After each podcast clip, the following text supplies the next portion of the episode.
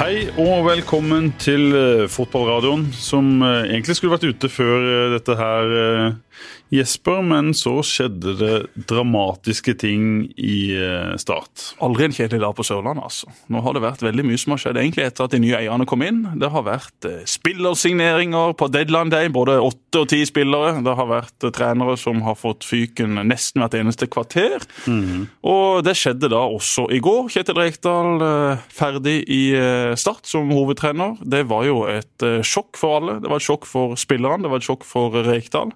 Og det var vel et sjokk også for alle de som eh, er ansatt i Start. Det var ingen som hadde sett dette her komme to dager før en så viktig kamp mot Ålesund. Ålesund som Kjetil Rekdal eh, har hatt enormt lyst til å feie av banen. Men eh, fotballen, både nasjonalt og internasjonalt, den er uforutsigbar, og dermed måtte vi utsette vår sending, som da skulle vært eh, klokka tolv i går. Det kokte rimelig godt. altså. Jeg tror aldri i mitt liv jeg har fått så mange telefoner og meldinger på en og samme dag.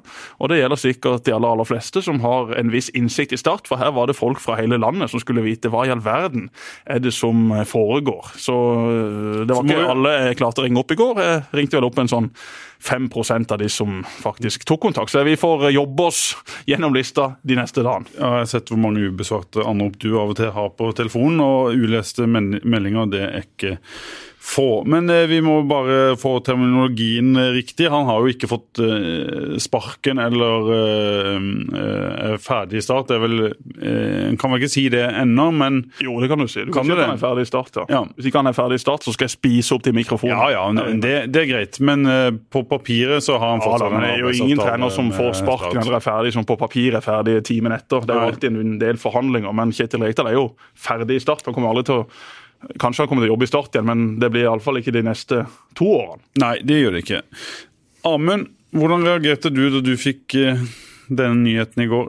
Vi må jo presentere gjesten. Ja, altså, Amund har jo vært med mange ganger, og dette er vel episode nummer 100? Ja. Dette er altså episode nummer 100. I dag skal vi tippe Obos-tabellen. Vi feier gjennom Eliteserietabellen og bare gir dere en fasit der også. Og i den anledning så må vi jo ha på plass en som har god innsikt, som jobber med dette til daglig, som har ført opp overganger i skjemaer hele denne Utrolig dårlig av meg å bare liksom spille ballen over til han uten å introdusere han. Det var jo dårlig. Jo, men det er jo også et kompliment, ikke sant? Folk begynner nå å få vite hvem Amund Isaksen Lutnes er. Strålende kommentator, en strålende mann. Bor jo i Kristiansand, er jo opprinnelig fra Moss. Fra Moss, ja. Stor fan av Rune Tangen. Har eh, kjæreste i byen. ja. Fortsatt, ikke sant? Ikke noe, Fortsatt. ikke, ikke noe trøbbel der, Fortsatt. bare så Nå vi får til og med- avklart det med en gang. Nå til og med bil også. Bil også? Ja, Dæven, nå begynner det å svinge, Det altså. begynner det, altså. Men du var faktisk her i går, Amund, og nyheten eh, sprakk. Da nyheten sprakk. Da nyheten sprakk. Ikke sant? Den gang da, da. Den gang da, hver gang når. Riktig. Men i går da, så satt vi her i eh, på, Vi skulle lage en liten TV-sending i går med tanke på sesongen. Og så ser jeg Steffen Stenersen, altså journalisten i FVN, blir helt likbleik i ansiktet når han sitter foran, eh, foran PC-en. Hva er det her for noe? Jeg tenkte liksom, Hva er det som har skjedd, Steffen? Og så, så, så eneste han fikk stotra fra, var noe sånn personalsak, Kjetil Rekdal, og, og da var det, det var tre sekunder før vi trykka på rekord. Og da var det egentlig bare å kaste seg rundt da, opp på Sør Arena, og da hadde vi jo alle lest eh, pressemeldinga, og ordlyden der var jo en pågående personalsak. Det er jo til å klø seg i huet hva har skjedd, hva er det her for noe? Og da blir det jo litt å koke suppe på spiker før eh, pressekonferansen. Var ikke all verden av informasjon vi fikk på den pressekonferansen eh, heller, og da begynner det jo, og det som jeg syns er det mest negative her, da begynner jo denne ekstreme rykte... De ekstreme ryktene rundt dette her. Hva er dette her for noe? Hva er det som har skjedd nå? Har han gjort noe? Har han ikke gjort noe? Og det tar jo nøyaktig ett minutt omtrent, så har nesten hele Kristiansand funnet ut at Kjetil Rekdal er ferdig, eller ikke ferdig 100% da, for at det er en pågående personalsak. Men det er jo ikke noe vei tilbake. Nei, det, Dette er, eh, det er vi vel enige om, alle det er jo sjakkmatt. Nå er det sjakkmatt, tenker jeg. da. Ja, Kjetil Rekdal kommer til å få seg nye jobber, han, enten som trener eller som mediemann. Han eh, er en oppegående kar som eh, har vist at han kan eh, både trene fotballag og være flink på TV. I går var han jo eh, på Kick. Der var du nede, Pål, og hørte på eh, fotball. Podkasten til VG, Bernt og, og co. Sa ikke så veldig mye der, Nei, og kan heller ikke si så mye. Nei, han gjentok mye av det samme som han eh, sa i en eh, pressemelding. Eller skrev i en pressemelding litt tidligere på, på dagen, at dette kom som et sjokk, og at det var en overraskelse. Og så, og så videre. Så blir det veldig spennende å følge denne, denne saken Ja, og Det er jo en videre. utrolig kjedelig og trist sak. Personlig jeg liker Kjetil kjempegodt, har et veldig nært og godt forhold til han, og det samme har jeg til de i Start. Så det da skulle stå på TV i går og liksom skulle fortelle hva dette her var for noe, det var ikke en eh, sånn kjempemorsom dag på jobben. Det som har eh, vært, det er jo veldig vanskelig å gå inn på eh, begge sider av saken og, og hva som faktisk har foregått, men her er det jo en eh, konflikt eller et skikkelig krasj mellom en eh, trener som har vært misfornøyd med en del av tingene som har foregått i klubben, og så er det da en klubb som har vært misfornøyd med en del ting som Kjetil Rekdal har eh, gjort, eller da ikke gjort. Så eh, der står saken. Vi får sikkert helt eh, vite mer etter hvert, eller vi kan i alle fall kanskje fortelle mer etter hvert, men uh, det kommer nok til å ta litt tid med advokater, og så må det til slutt komme fram til en økonomisk kompensasjon. Men er det sånn at du, du vet masse Jesper som ikke kan fortelles? Ja, det må jeg jo innrømme. Jeg vet jo jeg vet jo alt. Jeg har snakka lenge med Kjetil, jeg har snakka med klubben. Eh, men eh, det, er jo, det er jo også et litt sånn kjedelig svar der, at når det er en sånn konflikt og en sak mellom, mellom to parter, så må nå de sånn sett få, få lov å løse det først, før man skal ut og, og mene og fortelle for mye om det, syns jeg. Men det jeg også syns var litt interessant, som Kjetil Rekdal sa på denne podkasten i går, han sa jo at eh, han er jo ikke ferdig i start. Det satt han og sa på podkasten i går, at han er ikke ferdig. det må han vel Det må på han mange si, ja, sider. Ja, og, men han er jo ikke det heller på papiret. Nå er ikke jeg noen jurist, men noe som er pågående, det er ikke avslutta. Men han kommer ikke til å trene de på lørdag.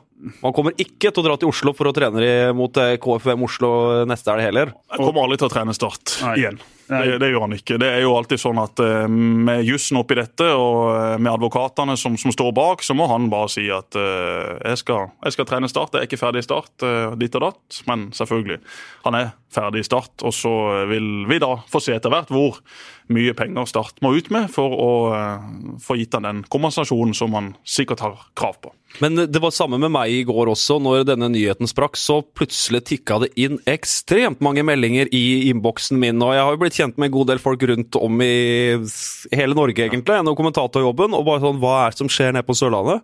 Er det kaos igjen? Kjetil Rekdal ferdig? Hva har skjedd?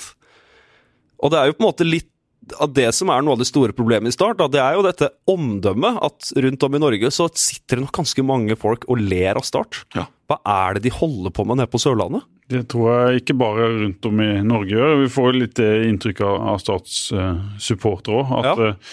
Eh, at eh, det var veldig mange som tok Kjetil Rekdals eh, parti, parti. Det så vi jo i, i både kommentarfelt og på, på Facebook i, i går. Men det er vel eh, Jeg syns det er vanskelig å mene noe om det før en eh, kjenner eh, saken. Jeg ville i hvert fall vært veldig forsiktig med å med å, å mene noe om det ene eller det andre før vi vet detaljene i denne saken. Så det er egentlig en oppfordring både til oss her inne og alle der ute òg. At eh, ta og vent litt og se om det kommer flere detaljer, og så får en ta og gjøre seg opp en, en mening om hva som er rett og galt eh, Ja, og Sånn er det jo dessverre blitt at folk elsker å spekulere, ikke bare rundt middagsbordet, der er det for så vidt greit, men også skriftlig da på diverse sosiale medier. og En del av de tingene som blir eh, skrevet og harselert med i går, Mm. syns jo jeg er langt over streken, både for Kjetils del og, og Start sin del. Eh, ja, En del av de eh, morsomhetene som, som kommer, er, er langt over streken, og absolutt ikke hva dette her dreier seg om. Kjetil og Start kommer helt sikkert med sine versjoner etter hvert, og så eh, er det nok sånn at eh, alle tror jeg i går hadde sympati for Kjetil, for dette er jo trist for han. Men eh, så må også Start få komme med sin versjon av saken etter hvert, og den kan de jo ikke komme med enda. De må være 100% ryddige, derfor kan ikke de si noe. Så etter hvert så får vi, skal- får vi nok vite mer, og så får folk gjøre seg opp en mening. Jeg skal si deg ett spørsmål Jesper, om, om dette som har skjedd. Du vet mer enn oss, så får du velge om du vil svare på eller ikke. Handler det mer om, eh, om hans rolle som trener enn andre ting? Ja, det gjør jo det. det dette her eh, går jo ikke på at det har vært en sånn stor, stygg overtramp eller hendelse. Det er summen av, av, av mange ting eh, med han som eh, trener slash leder som har gjort at eh, kroppen etter hvert ble, ble full i start. Så det er liksom greia. Ja, men Da lar vi det ligge. Også, men vi må snakke litt mer om dette. Hva betyr det for, for Start? Det er jo et uh, veldig interessant uh, spørsmål. Uh, Amund, hva tror du? Sikkert litt vanskelig å, å svare på, men uh, du sa litt om det i går òg. Ja, jeg tenker også, først og fremst så tenker jeg det er veldig skadelig for omdømmet til klubben. De som skal komme og betale penger for å sitte og se på Start på Sør Arena, for de som skal klikke seg inn på TV-sendingene for, for, å følge laget sitt. Jeg føler det er, har vært det de siste åra litt sånn likgyldighet likegyldighet til Start. At dette her er ikke så veldig viktig for folk i Kristiansand, og det syns jeg er veldig synd. Start er jo en gammel og ærverdig klubb som, hvis du tar de 15 siste åra, har nesten ikke skjedd noe positivt. Og det gjør jo vondt for de som skal gå på Sør Arena hver gang. Og at det blir nesten en litt sånn galgenhumor rundt det der å rykke ned. Mm. Og, det, og det er jo ikke sånn det skal være. Og ikke minst også, da, man har snakka helt om at det ikke er noe penger i Start og har hatt så lite penger. Plutselig så kom det veldig mye penger inn i klubben, og det ble jo ikke noe bedre av det. Nei, det har ikke blitt så mye bedre, dessverre. Men uh... Resultatmessig. Og ja, jeg er enig med Robin Reed, sånn som han sa i podkasten her, at Start ser annerledes ut i 2019 enn det gjorde da de tok over det i 2017. Mm. Men realiteten er jo at de er tilbake i Obos-ligaen. Ja. Mm. Og så bare For å fullføre spørsmålet ditt eh, i start, med, med si, hva dette går på, så er det også sånn at Kjetil har vært eh, misfornøyd med en del ting i klubben. Eh, Bl.a. med, med Tor Christian Karlsen, som de har hatt sine disputter. og Det har jo også vært enkelt å se via diverse avisartikler. Så, mm. så her er det to sider av saken, og et samarbeid som egentlig aldri fungerte så, så bra som eh, alle hadde håpa på. Hva betyr det for Start, eh, Jesper? På øh, denne her sesongen så tror jeg ikke det betyr øh, all verdens. Jeg tror at øh, allerede mot Ålesund så vil vi få se et startlag som er full energi og som vil respondere godt på dette. Det er alltid sånn i en spillerstall med, med en så sterk leder som Rekdal at det er noen spillere som elsker han, noen spillere som absolutt ikke elsker han. Sånn må det være, for hvis ikke så har du ikke vært en, en tøff nok leder. Det er vanskelig å gjøre alle til lags. De som sitter på benken og tribunen, de vil alltid være misfornøyde og mener de bør spille. Nå er det sånn at det blir på mange måter åpna opp litt. Og eh, du får litt sånn ny trenereffekt med tanke på at nå forstår de at øy, eh, nå er det nye sjefer her. Nå er det nye som skal lede økta. Nå skal vi virkelig ta vare på den sjansen. Så jeg syns treninga i går eh, bar på på at det var en positiv gjeng som gleder seg til, til kamp på lørdag. Men så får vi jo ikke et fullgodt svar på det før faktisk Ålesund står på motsatt halvdel halv fire på Sparebanken Sør Arena lørdag ettermiddag. Men for sesongen så mener jeg fortsatt at Start har en såpass uh, god stall, de har en såpass god elver at uh, det bør ende med et uh, greit og kontrollert opprykk. Hva skjer hvis de taper nå, Hamund, de første kampene? Ja, jeg satt og tenkte litt på det. Hvis de Ja, Ålesund hjemme og KFUM ja, borte. Ja, hvis de, de taper mot Ålesund og kanskje bare rører seg til et uavgjort borte mot KFM Oslo, da begynner det å murre litt. Og tredje serierunde så kommer Raufoss på Sør Arena. Hvis det ikke har blitt en ordentlig poengfangst på de tre første kampene, så kommer det til å koke veldig. Men eh, Joey Hardarson kan jo fort være i eh, skyene allerede etter eh, tre runder, og de har skåra 10-15 mål og har ni poeng. Da er plutselig fort Kjetil Rekdal ikke så veldig viktig her i byen. Da er det et startlag som, som går på skinner og vinner fotballkamper, og det, det tror jeg er nøkkelen nå til, til Hardarson og Jensen og Haaland, egentlig. At de vinner de første kampene her, og det ser bra ut. De skårer en del mål. Hvis ikke de gjør det, så tror jeg fort man kan fort være på jakt etter en ny hovedtrener hovedtrener i Start. Ja, Det er det som er så sykt med fotball, at uh, ting glemmes utrolig fort. Det var jo også en enorm timing av Start i går. da. Det må vi jo få lov til å si. at Idet de slipper sin pressemelding, så blir Solskjær ansatt for tre år i verdens største fotballklubb. Og litt senere på dagen så er det Sirkus Vara som smeller i gang. Så startsakene de bare dundrer nedover frontdeskene rundt forbi i uh, hele Norges land. Hadde ikke Solskjær blitt ansatt i går, så hadde jo Rekdal vært toppsak f.eks. i TV 2-nyhetene. Jeg var klar til å bidra med det de eh, hadde behov for, eh, og det var sikkert satt av både ett og to minutter i uh, hovedsendinga. Men Idet Solskjær ble ansatt, så fikk jeg bare telefon og Jesper. Du kan bare vente. Vi ringer deg etterpå. Jeg sto der nede på Sparebankens Arena og venta og venta. Til slutt så fikk jeg komme inn etter alt dette her Solskjær-føsset. Og jeg forstår jo det, men i går på TV 2 sine nettsider så hadde Kjetil Rekdal og Start flere klikk enn det Solskjær hadde. Altså Mest lest i går, det var Kjetil Rekdal. Så det sier bare litt om eh, ikke et Starts posisjon, men kanskje mer Kjetil Rekdals posisjon, og, mm. og hvor stor bombe dette her faktisk var. Og La oss si at Start må ha ny trener, uh, Amund, eller at Kjetil Rekdal er ferdig, og så skal de ha en ny trener, enten det er Joey Hardarson eller en annen. Hva, hva tenker du at uh, er fornuftig å gjøre nå? Jeg tenker at de burde holde på Hardarson og Jensen eh, enn så lenge. her, altså Ikke begynne å, å, finne en ny trener. Men hvis jeg skal velge ut én trener jeg har veldig lyst til at Start skal ha fremtidig, kanskje fra med neste sesong, så er det mannen oppå Ågotnes, Steffen Landro, som begynner å bli moden allerede for uh, større oppgaver. Det syns jeg hadde vært en veldig interessant uh, tanke. Det er også, for så vidt også en litt uh, kontroversiell karakter, men som er veldig dyktig. Mm. Det er et interessant navn. Nei, jeg, jeg, jeg, følger, jeg følger Amund på hans resonnement at eh, Jeg skrev jo også det i en kommentar i, i går, at det å hente inn eh, Hvis Rekdal er ferdig, eller det kommer eh, for en dag at, at dette er over og ut, så vil ikke jeg Jeg vil ikke forhaste meg å hente en ny hovedtrener. Nå har de prøvd med et par profilerte navn i Mark Dempsey og og Kjetil Rekdal og det har funka dårlig. Nå tror jeg ja, de trenger mer trygghet, og da tror jeg Joey Hardasson og Andreas Jensen, som har vært Rekdals assistenter, kan være en, en fin løsning. Og så spørs det om det finnes noen andre ja, som de kjenner godt, som er tett mot, uh, på klubben eller i klubben, som kan være med å, å hjelpe. Det er jo noen som eh, nevner Erik Mykland, som, som, har vært nå i klubben i en eh, god stund, og som trener de yngre guttene. Kan han være en figur som løftes opp rundt A-laget? Det er en spennende tanke, syns jeg. Og så har vi Atle Roar Haaland, som er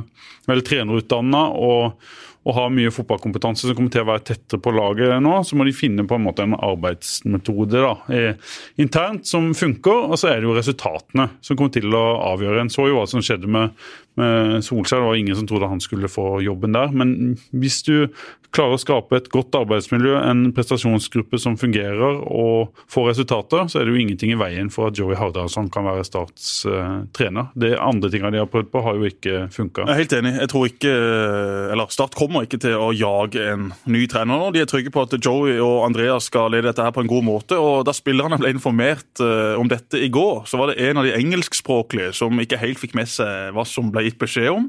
Og da uh, spurte han en av lederne etter møtet. Du, eh, OK, hva, hva, hva, hva fikk vi beskjed om nå? Nei, eh, Joey og Andreas leder treningene og kampene framover. OK, So what's the difference?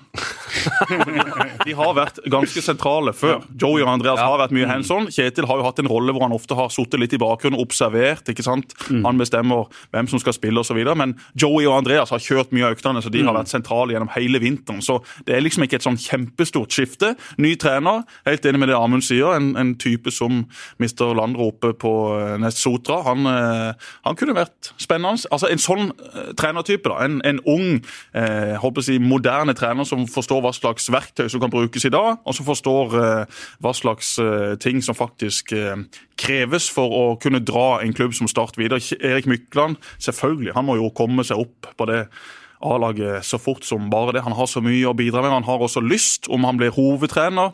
Kanskje det ikke er rollen for han hvis han ikke er ja, litt veldig glad i oppmerksomhet. Ja. Men som en sånn type assistent, eller som en medtrener. Ja. Eh, selvfølgelig. Og så altså, bare ha han med, han, da. Ja, du, Men jeg håper, eh, det syns jeg er veldig viktig å, å, legge til, jeg håper Start eh, lagre et slags eh, dokument, et, eh, en sportsplan, hvordan de vil ha det, hva slags trener de vil ha, hvordan de skal spille, hva som skal kjennetegne Start, og hvordan profil denne klubben skal, skal ha. For nå har det vært heseblesende i ett år, og de hadde Mark Dempsey som som skulle spille fin fotball og lette teknikere og, og ballen langs bakken. Og så kommer Kjetil Rekdal inn, som vil ha mer eh, fysikk. Nå syns jeg det er på tide at, at klubben tar et, eh, et, valg, og så står de for det valget. Så, vi skal ha så og så mange egenutvikla spillere. Vi skal ha unggutter opp opp fra ungdomsavdelinga, så skjønner jeg at det var vanskelig, for det var en stall her som i utgangspunktet var for dårlig. så De måtte bytte ut, og så ble det for mye utskiftning og så ble det for lite rutine. og En skjønner at det ble utfordrende, og det ble vanvittig mye bom, men nå må de sette, sette alle kluter til for å, for å, skape en stabilitet gjennom eh, en hovedtrener som har en enormt viktig oppgave i en så liten klubb som Start. Jeg hadde gitt en like på den eh, kommentaren til han på Facebook. Jeg hadde satt sånn hjerte, altså hjerte, ja, på Facebook. Ja, okay. Jeg nesten så hadde delt innlegget, faktisk. Men, men, det, altså. men, men en interessant tanke, syns jeg. Det koker rundt Start, og vi har litt ironi eh, rundt det. Men har man lyst til å være en sånn klubb som Odd, for eksempel, da? Som ender midt på tabellen. Ingen snakker egentlig noe spesielt eh, opp eller ned om, eh, om, Odd. De tar som regel de poengene de skal. Det... Ender midt på tabellen. Er det, en, er det, en, sånn klubb Start har lyst til å være? Jeg hører jo mange Kristiansand snakker om det. Lyst til å bare være en klubb som holder seg. Har man lyst til å være som Odd? Men Odd har jo ikke tatt et valg om å være en eh, klubb midt på treet. Det kan jo hende at hvis Odd sånn hadde gjort ting enda bedre eller hatt litt mer penger, så kunne de vært med og kjempa om medalje, til og med et seriegull. Det har vi jo har vi jo sett. De klubbene som driver godt Det er jo ikke sånn at Brann har så forferdelig mye mer penger enn en Start, men de har skapt et miljø, de har gode trenere, de har en rød tråd, de har gode sentrale folk i mange nøkkelposisjoner. og Så har de fått dette til å, å gå, og så har de etter hvert fått et godt rykte. Bare se hvor Brann var for fem år siden, og de 15 foregående åra til til Brann. De måtte til og med ned en uh, divisjon. Selvfølgelig en større klubb enn Start, men det handler jo om å ta de riktige valgene, gjøre de riktige grepene, og så får du jo ting til å gå. Og, da, og de henter Lars Arne Nilsen. De henter ja. Lars Arne Nilsen. Ikke noe sexy trenervalg, men Nei. et trygt trenervalg som fikk lov til å jobbe i det stille, som fikk lov til å gjøre det på sin måte. Først rykka han opp, og så har han gjort Brann til et topplag. I år igjen vil Brann være med og kjempe helt i toppen. Så at Start liksom har lyst til å finne en sånn type trener, da, trenger ikke være et stort navn, trenger ikke være en kjempedyr løsning løsning, men det må være en trener som i alle fall kan være der i x antall år, og som kan gå inn i de retningslinjene klubben jeg trodde, jeg trodde jo at Steinar Pedersen var en sånn uh, trener. Helt ærlig, når han ble ansatt, så tenkte jeg at dette er en uh, god match. Han har profesjonaliteten, han er hardt arbeidende, og han kan skape en kultur og, og ja, en, en klubb som som står litt på egne bein, og særlig når de nye eierne kom inn. Men så gikk ikke det heller. Så spørsmålet her er om det hva skal, hva skal, til? Er det en kultur i, i, veggene her som må endres før en får det til? Men, men sånn som det, Steinar Pedersen føler jo jeg også egentlig ikke fikk noen reell sjanse i start. Det laget han måtte trene i 2016, det var dømt til å rykke ned. Ja. Da var pengekassa helt skrapa. Det måtte hentes inn spillere fra hylle tre i norsk fotball. Ja. Og da er det nesten umulig å holde seg. Og så er spørsmålet, Jesper, dette er du opptatt av. Skal du ha en profil, skal du ha et kjent navn? Skal du ha en som leverer i intervjuer, eller skal du ha en som jobber hardt og som klarer å skape resultater for klubben? Så er begge deler selvfølgelig kjempeviktig, men det er veldig vanskelig å finne trenere som har begge deler. Du har Tom Nordli, som var både klovn og en god trener i en periode når han var i Start. Der hadde Start full pakke. Og så har du en Lars Arne Nilsen i Brann, som eh, kanskje ikke er den som trekker ekstra ekstra tilskuere til, til, stadion og ikke leverer i, i intervjuer og hater egentlig media. og Det kan kanskje ha noe å si for publikumstall til Brann, men de får resultater. Så denne komboen der å finne Eh, finne en, en, en, trener som kanskje har litt av begge deler. Men for meg, så, og det har jeg vært klar på hele tida, er det viktigste dette med å, å, skape resultater. Selvfølgelig er det det. Og du trenger ikke å ha en trener som er en stor profil, men i en klubb så må du ha noen som er profiler, noen som er gallionsfigur, noen som, når du spør en oppe i Tromsø hvem forbinder du med Start, så må det være en spiller eller en leder eller en trener. Start har de siste årene vært ganske grå. Og det savner jeg, at Start faktisk får fram noen som jøss. Der har du han som bare liksom lyser Start, og han lyser Start over hele Norge. Han er stolt over faktisk Det der er det, Jesper. Hva sa du? Det er jo du. Ja, det kan godt være det. Men uh, nå har jeg en, en annen uh, plass ja. jeg holder på å jobbe i. Men, på, på, og, men, poenget her er jo også at uh, hvis du får resultater, så får du profiler. Det er vel òg Selvfølgelig. selvfølgelig. Det er jo noe med det òg. Lars Arne Nilsen var jo ikke noe profil når han kom til Brann. Nå er jo Lars Arne Nilsen, eller Lan som de ser borte, han er jo en kjempestor profil i Bergen. Og det er jo ikke pga. det han sier til BA og BT, det er jo pga. de resultatene han har levert. Tok jo Brann opp fra gjørma og gjort de til en toppklubb. Det er liksom en sånn eventyrhistorie, egentlig, det der. Men har Joey Hardarson det som skal til for å, å være en uh, gallionsfigur, hvis det blir, blir han? Da? Har han liksom uh, Er ikke han for mild? Er han ikke for, for snill? Og det er jo umulig å ikke like Joey Hardarson, tenker jeg da. Er jo en kjempekoselig fyr. Alltid hyggelig når du kommer bort til Joey Hardarson. Ja, han er ikke den som kommer til å snakke overskrifter uh, i år, det er jo 100 sikkert. Men det er jo også en meget rutinert fotballmann som er jo så å si Kristiansander. Mm. Han blir jo så identifisert med Start. Det var jo mannen som var med her i 2005 og nesten tok gull. Han har vært trener ute på Island, han har A-landskamper for Island, og han har vært mange år ute på Fløy. Det er jo De fleste i byen her som følger uh, fotballmiljøet, veit jo hvem Joey Hardarson er, og har jo vært faktisk en god stund nå i Start og i trenerteamet, både utviklingsavdelinga og nå. Det er jo naturlig da at uh, han frem til, kommer til å nå være da, den hovedtreneren til Start, som kommer til å være på TV, som kommer til å være mest mm. i Fædrelandsvennen. Og ikke minst, da, som akkurat nevnt her, Andreas Jensen i bakgrunnen her.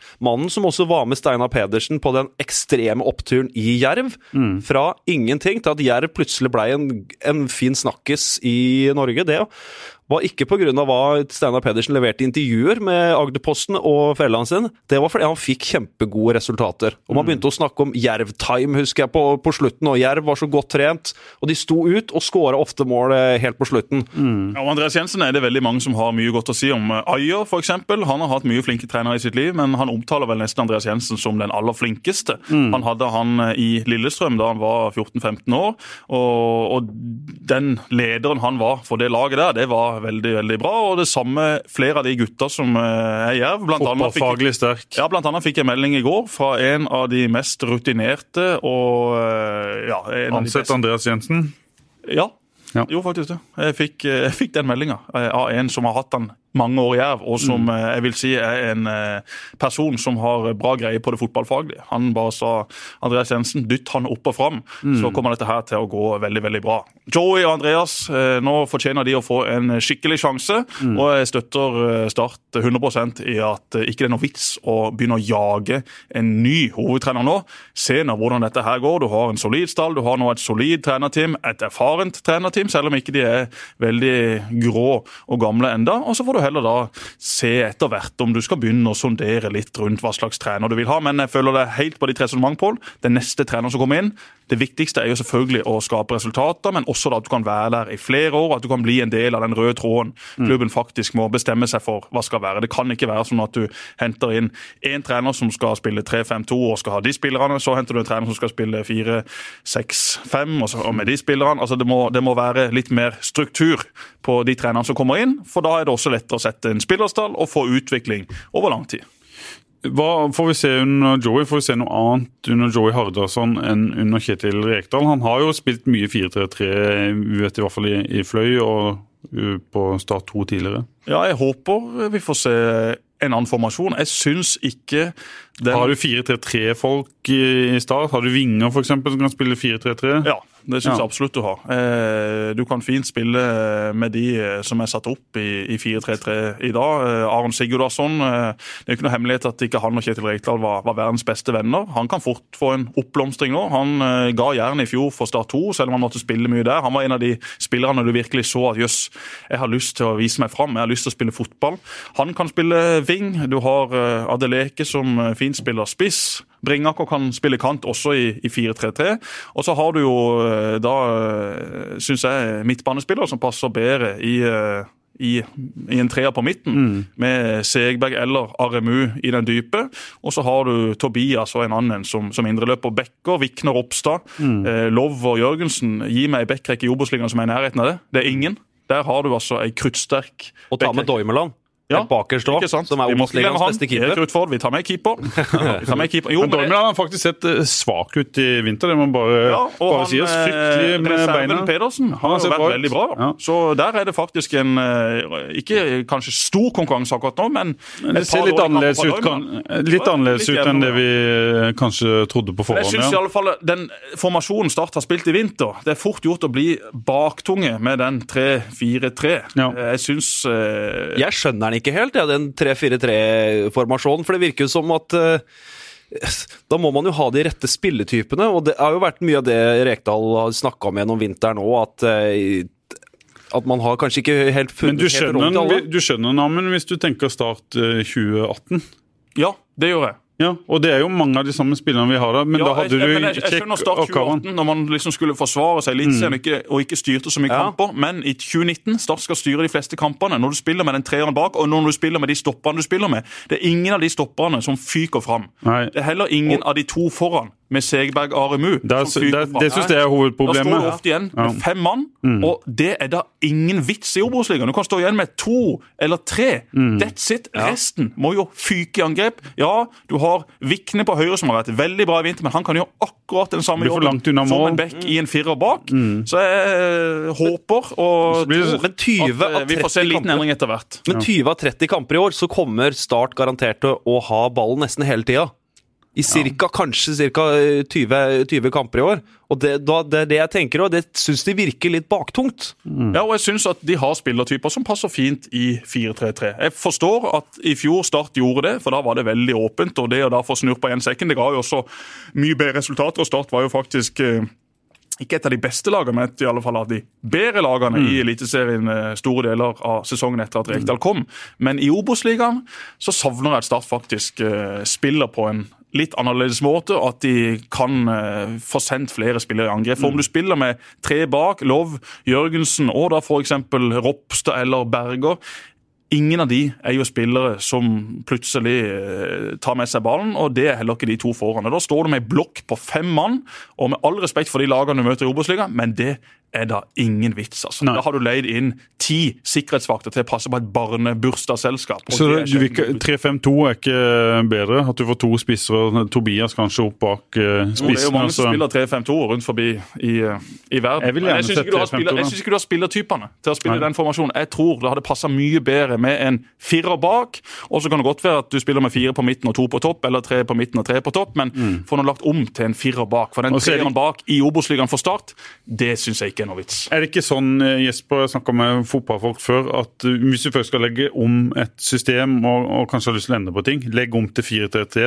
eh, Enkle eh, prinsipper som de, de fleste forstår. At andre tallformasjoner kan være litt vanskelig å, å gjennomføre ut på treningsfeltet. Jo, eh, og Joey og André, altså spillerne også, vil jo fint kunne legge om til dette rimelig kjapt. Det skjer ikke noe bytte inn mot lørdagens kamp. Da gjelder det å ta vare på det trygge, for nå kommer jo tross alt Lars Bohin og Ålesund med enormt mange nye trekk, både på dødball, innkast, ut fra pause, inn til pause, formasjonsmessig, spillemessig. Det er jo stengt treninger der oppe.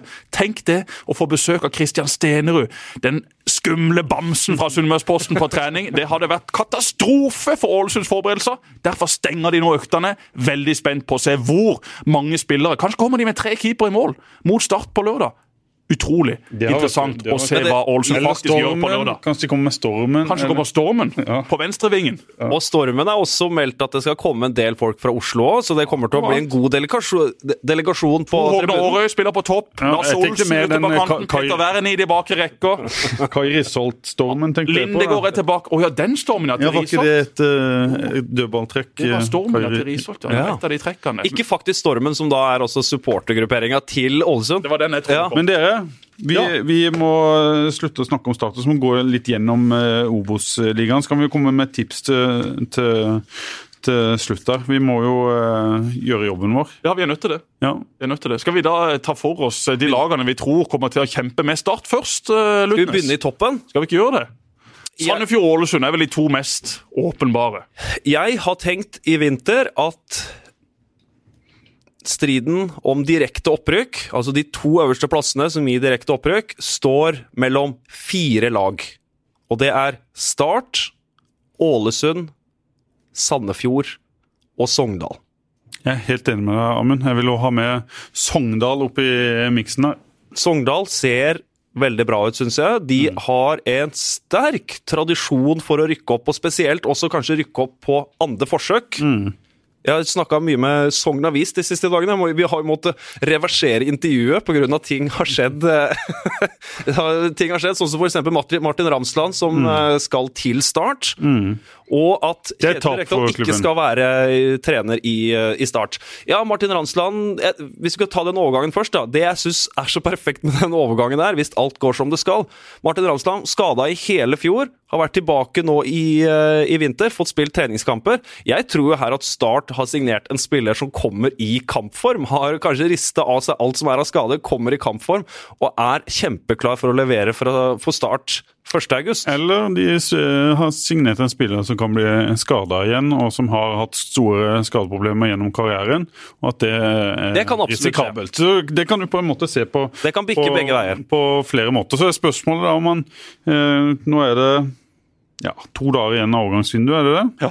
Om man eh, plutselig er i Kristiansand før vi Det tviler jeg på. aner. Jeg tror ikke Start er villig til å bruke noe penger på å hente han nå. Start har uh, Adeleke. Vi har også Floki, som eh, kanskje får en oppsving etter at uh, det kommer nye sjefer inn. Blant annet en islandsk sjef, som sikkert har en bedre relasjon til han enn det en Rekdal hadde. Så uh, det å bruke penger på Ramsland nå, det tror jeg ikke er noe som er sånn veldig aktuelt. Jeg kan for så vidt være enig med at Sogndal har et solid lag, men for meg så har ikke de et lag som er like godt som de tre andre nevnte. Men, men skal vi gjøre oss ferdig med Start? Jeg har Start på, på førsteplass. Jeg, jeg tenker at de har den beste troppen, de har det beste eh, forsvaret. Og så er det noen usikkerhetsmomenter. Eneste, eneste ankepunktet mitt for at Start ikke skal rykke opp, er fordi at jeg syns det har sett litt tynt ut uh, framover. Du har uh, Adeleka Akiniemi, som skal være det soleklare kandidaten til å bli toppskåreren til uh, Start i år. Han har ikke vært fantastisk i vinter. Du har jo Bringaker der, som skåra seks mål på ti kamper i Eliteserien i fjor, som er en kanongod Obos-spiller. Så kommer Ramsland, så har du Adeleke. De har mer enn nok å ta av. Så er du Flok. Ja. Som Men Ja. hvis, hvis jeg skal trekke fram noe som er litt negativt, og usikkerhetsmomentet, så er det det at det kanskje ikke har sett så sprudlende ut uh, framover. Så klart, det har ikke blitt delt ut et eneste poeng nede på Marbella Cup, så klart. Det er null poeng med hjem fra, fra Marbella, så alt som skjer i treningskampene har jo egentlig ikke Det så veldig Men har har du sa- har- vil du ha Sandefjord? Til en tyv. Har dere fått igjen eh, det på forsikringa? Det tror jeg vi har fått igjen. Fullt fortjent. Ja. Du, eh, vil du ha Sandefjord på topp? Jeg, eh, I mitt tabelltips til Eurosport så har jeg Start på førsteplass. Og så har jeg Ålesund på andre, Sogndal på tredje og Sandefjord på fjerde. Ja. Og det med den tanken at her kommer det til å bli ekstremt jevnt. Sånn som det blei i fjor, så var det tre lag helt til toppen. I år så tror jeg det faktisk er en reell kamp inn til runde 28-29 om de to øverste plassene. Ja, jeg tror Sandefjord blir den eh, klart største utfordreren til Start. Jeg synes de har et sterkere lag enn det de hadde i eh, fjor. Holmen Johansen han har reist til Brann. Eh, de har fått inn Walter Wittala. Han tror jeg ikke er noe dårligere enn Holmen. Holmen Johansen god med beina, alt det der, men hadde også en del merkelige tabber. og merkelige... Så har de eliteseriespillere i stallen. De har Ofkir, de har Fella, de har Engblom. De har gode spillere. Så hvis dette Henta Mladenovic Ja. fra, fra Odd, som er en kjempesignering. Ja, de har Rufo, som eh, kanskje er Obos-ligaens eh, Beste. beste. spiller. De har fått inn Tito på midtbanen. Ja. Tito på midtbanen, som har spilt eh, mange år på nivå to i Spania. Er også en klassespiller. Har vært fantastisk i vinter og kommer til å dominere mye kamper. Kanskje ikke sånn flashy, men i, i det stille. Eh, Jeg, jeg kan tenke at han Tito kan være en litt sånn signering, sånn som eh, Start gjorde med Heikkinen. Ja. Du får inn en rutinert og god kar på midten her som kan slå de rette pasningene. Ta det litt med, ta det litt, litt med ro. En veldig fin Men jeg, jeg, jeg har også- i på andre. Så altså, har de Høybråten Ja. i de bakre rekker. De har Grorud, Mark Vales. Altså, de har mange som kommer til å kjempe om de plassene. Bris. Wembangomo, som Mm. spilte i Jerv. Eh, Ja, ikke alltid den mest stabile, men på sitt beste så er jo det en klassespiller i Obos-ligaen. Ja, det en kar som kommer til å levere bra med offensive bidrag. Også mye fart. men de får noen utfordringer, Sandefjord. Ja, det gjør de De, nok. de er et uh, lite lag. De kommer til å slippe inn en del mål på dødballer. Og så tror jeg de, eh, som i fjor, kommer til å slite litt på, på bortebane. De kommer til å vinne mye og stort hjemme, tipper jeg, på naturgress i, i Sandefjord. Og så tipper jeg de sliter når de kommer på Framover på banen med Engblom, Rufo. Ja. Jeg, jeg vil ikke si at noen i Obos-ligaen har liksom Nei. bedre angrepspar enn Nei. de, f.eks. Altså. Det er de ferdigheter som passer bra med hverandre. Og så skal de bli servert av Ofkir og Mladenovic på sida, og i tillegg også kanskje Mohammed Fella, da, som akkurat nå er ute med, med skade. Og så har du Mm. Tobias Erik Gjelde, Mjelde, som har Tobias kommet Svendsen inn der òg. Og så ikke minst da, en mann som har vært med sikkert siden 60-tallet, føles det ut for meg. Det er Håvard Storebekk. Ja, ja, han er kommer til å levere. Ja, gode Ja. Ja, ja. Jeg syns Sandefjord eh, har eh, den beste stallen og det beste laget etter start. Ålesund og Sogndal, ja, hvis de har alle skadefrie, så har de også robuste, kanskje litt mer fysiske lag. Mm. Men eh, den sesongen Sandefjord hadde i fjor, med det trenerteamet de har der med spanjolen, vår gode venn Geir Ludvig, Mm. som, eh, som også er på vei opp og fram som, som trener, det, det er for meg den skumleste utfordreren til Start. Og, det, og jeg tror fort eh, Sandefjord eh, kan gi eh, Start en kamp om å Da har vi Start og Sandefjord på de to første Og det- plassene. og Det kan også hende at Sandefjord nok blir det laget som blir det flotteste laget å se på. Antagelig. Ja, Det tror jeg kanskje Ja. er de som kommer til å spille mest underholdende fotball. Litt sånn som Viking gjorde i fjor, da, at det blir eh, veldig enten-eller som det var med Viking. At det kan gå skikkelig til helvete. Det De tapte jo ni kamper i fjor. Mm. De tapte nesten en tredjedel av kampene sine og vant Obos-ligaen. Mm. Spilte én kamp uavgjort. Ja, da Viking Sandefjord. Sandefjord er den nye Viking. Faktisk- Start Sandefjord. Skal vi ha Sogndal eller Ålesund på nummer tre? Skal vi ha Ålesund eh, der? Tror vi at eh, Ålesund ser bedre ut enn i fjor. de De har, har fått et år på seg til å bli skikkelig kjent med Men de kan jo snakke om å ha fått en, en eliteseriespiller som kan løfte et helt lag i eh, Åri Larsen. Ja. Og Larsen er en eh, klar forsterkning for eh, Ålesund, men han er heller ikke så god at han kommer til å herje Nei, i hver eneste runde i Obos-ligaen. Nei, men jeg tenker mer som type. Ja da, ja En da. sånn stabil, trygg duellspiller som vinner sine hoveddueller, som sklitakler det han eh, skal. Og Så er de tunge som, på topp med Fridtjonsson og Ja. Gøye. Ja. Og Agdestein og, Augustin. Castro. Absolutt. Her har du og Castro har den kreativiteten kanskje dette her Ålesund-laget trenger. Ja. Mot uh, Hvem var det vi så de mot? Var det Viking vi så dem mot på Marbella? ja. I Marbella heter det vel. Der, eh, der syns jeg de var robuste og fysisk godt organisert, og så kom Viking inn i det etter hvert. Men Hatlehol, blir, blir tunge å slå. Ja. Og ikke minst også eh, Jesper nevner Rufo Sandefjord som kanskje den beste spilleren i Obos-ligaen.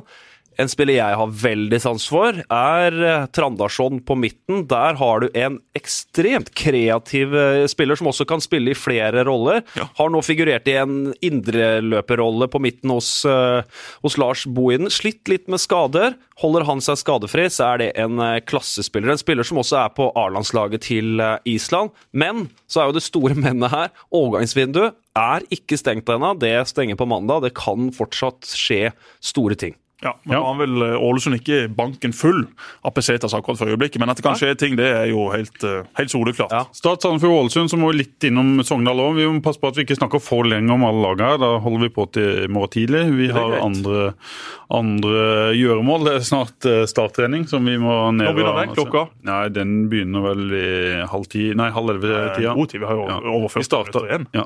Deilig. vi starta klokka seks i dag morges i dag med Ja. podkast. Ja, ja, ja. Men sånn er det. Nei, Sogndal, For å dra liksom kjapt gjennom hvordan eh, de sitt eh, toppa lag kan bli, da, så er det jo Dyngeland, solid keeper Birkelund, omskolert til høyre back fordi at Latifu har eh, reist. Han var veldig god for Sogndal i fjor. Reist til Mjøndalen, blir en nøkkel for Mjøndalens eh, backrekke i år. Steiring, Antonijevic som midtstoppere. Rindarøy, som vi kjenner fra. Antonijevic, vi må stoppe litt ved han. Må være en spiller som du liker etter å ha sett han. Han spilte jo ikke så mye Lillestrøm, men minner jo fryktelig om eh, Jesper Mathisen. Litt sånn nonsjalant i, i stilen og demper på kassa ned til keeperen. ja, og, kanskje det. Ja. Kanskje det. God med ballen til å være så lang. Ja, eh, Jeg, jeg har likt veldig godt det jeg har sett av Antonijevic. De to Ja. kampene jeg har sett med Sogndal i, i vinter, syns jeg han har vært uh, Sogndals klart ja, og så har han en enorm fysikk, som du Ja. sier, som blir viktig for det her Sogndal-laget. Knaller til i sklitaklinga, så er han treg. Det er jo uh, utfordringa. Ja, ja. De har litt uh, trøbbel med, med farta der bak. da. Rindarøy kommer sikkert ikke til å spille 30 kamper, er jo som alltid litt skada. Scholze spiller ute på kanten. Har de ikke en engelskmann på venstrebekken der som var skada hele fjor? Som... Eh, Nei, det er- Ålesund. Ja, det? han er tilbake. Ja. Jordan Mead. Tidligere Arsenal-spilleren. ja. De spiller vel da med Skjolse, Ernemann, Soltvedt. Skjolse som en type indreløper, eh, drifter litt ut på kanten. Ernemann kommer inn med masse erfaring. Eh, var jo viktig for Viking mot slutten i fjor. Veldig viktig. Misfornøyd med å sitte på, på benken tidligere i sesong, men eh, kom seg da inn i idet Viking skulle sikre det til opprykket. Kanskje kan han være en veldig viktig brikke for Sogndal. De hadde jo erfaring i fjor også med Bjørn Helge Riise, de hadde Trond Olsen. Nå var det ikke veldig mye de bidro med på banen, men de var nå iallfall i klubben og heva sikkert ei solid lønn.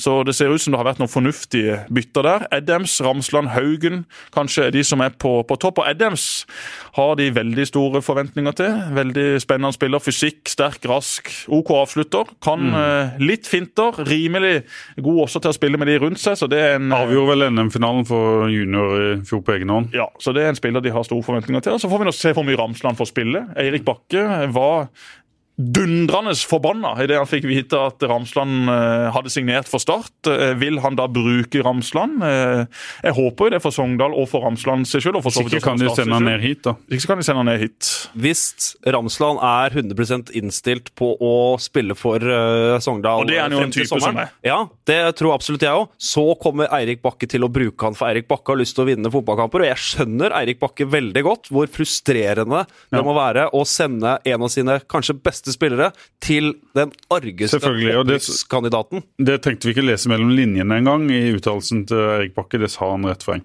Eh, en spiller som jeg har veldig stor tro på i Sogndal, som du ikke hadde på laget, er jo Jonas eh, Fredriksen ja. fra Bergen. Som har vært helt fantastisk for dette G19-landslaget til Norge. Som en sånn stabilisator på midtbanen. 18 år gammel. har vanvittig kraftig spillet sitt. Imponerte meg voldsomt nede på uh, Marbella. Og så er spørsmålet om det er en sånn typisk treningskampgreie uh, med en ung spiller, eller om dette faktisk er en, en spiller som Det er dette som, må være Sogndal, Amund. Ja. Sogndal har jo vært dette i alle år, men de siste årene så har de begynt å rote med å bruke masse penger på halvdårlig import og gamle spillere som egentlig er ferdige. Sogndal må jo komme tilbake igjen til der de var. De har en flott arena med skole og et deilig anlegg det er vel der vi eh, vil se Sogndal tilbake. At de får opp igjen flere lokale gutter fra fylket og fra området sitt. Ja, Det Sogndal har vært ekstremt gode på, er jo at de har truffet bra på eh, importen sin, og så har de vært veldig gode på eh, rekrutteringa fra egne rekker. Sånn som for eksempel,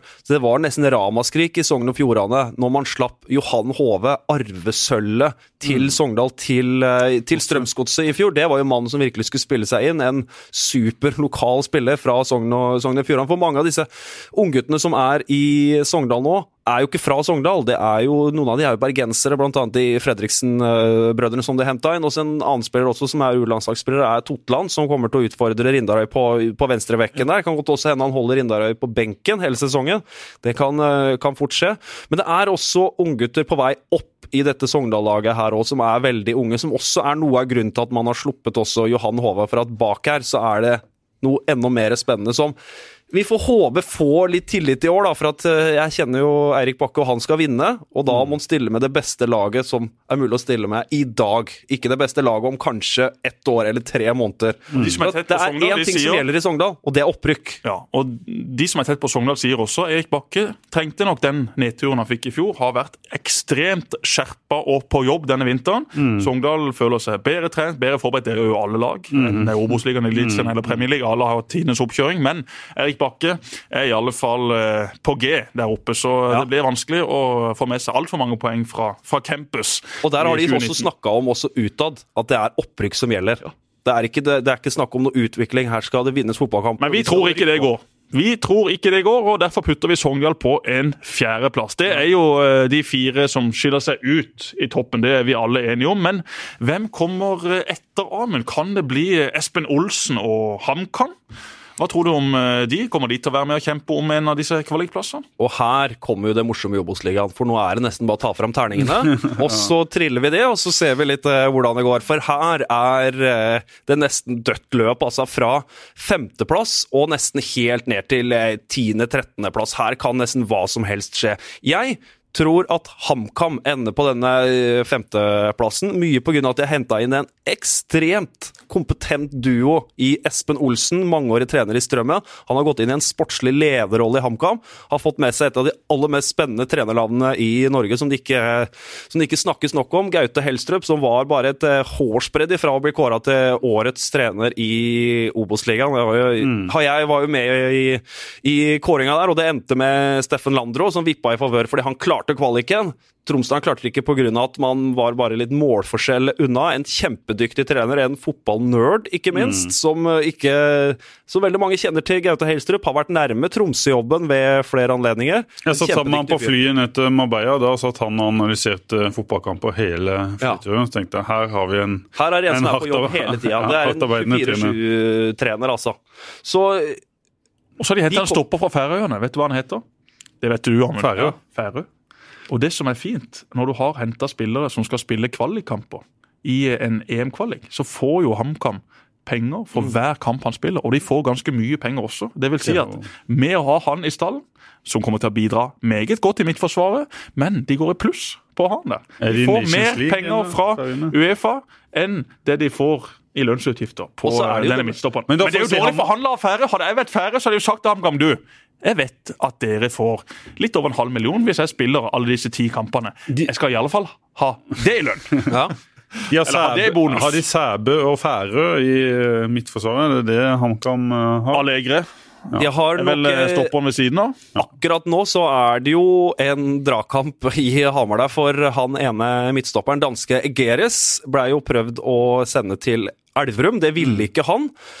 Det er en spiller de ikke er altfor fornøyd med der, der borte, så det ender nok med Færø og han eh, godeste spanjolen, Allegre, eller hvordan vi sier det. Allegre, som midtstoppere. Så har man henta inn eh, Benjamin Gledic på bekken. Kan godt hende han faktisk tar begge. Han var jo veldig nære å signere på start. Sleit med skadeproblemer i fjor. Ja. en Ganske Ja, spennende. men Hvis han er frisk og i form, så vil jeg tro han tar en av bekkene. For Ja. de har vært på jakt etter Bekka, ikke vært altfor fornøyd med, med det de har hatt. Så han er nok henta dit for å, å spille. På den sentrale midtbanen syns jeg de er veldig spennende. Der har de Markus Solbakken, som er et av de mest spennende talentene vi har. Sønn av Ståle. i landet. Ja.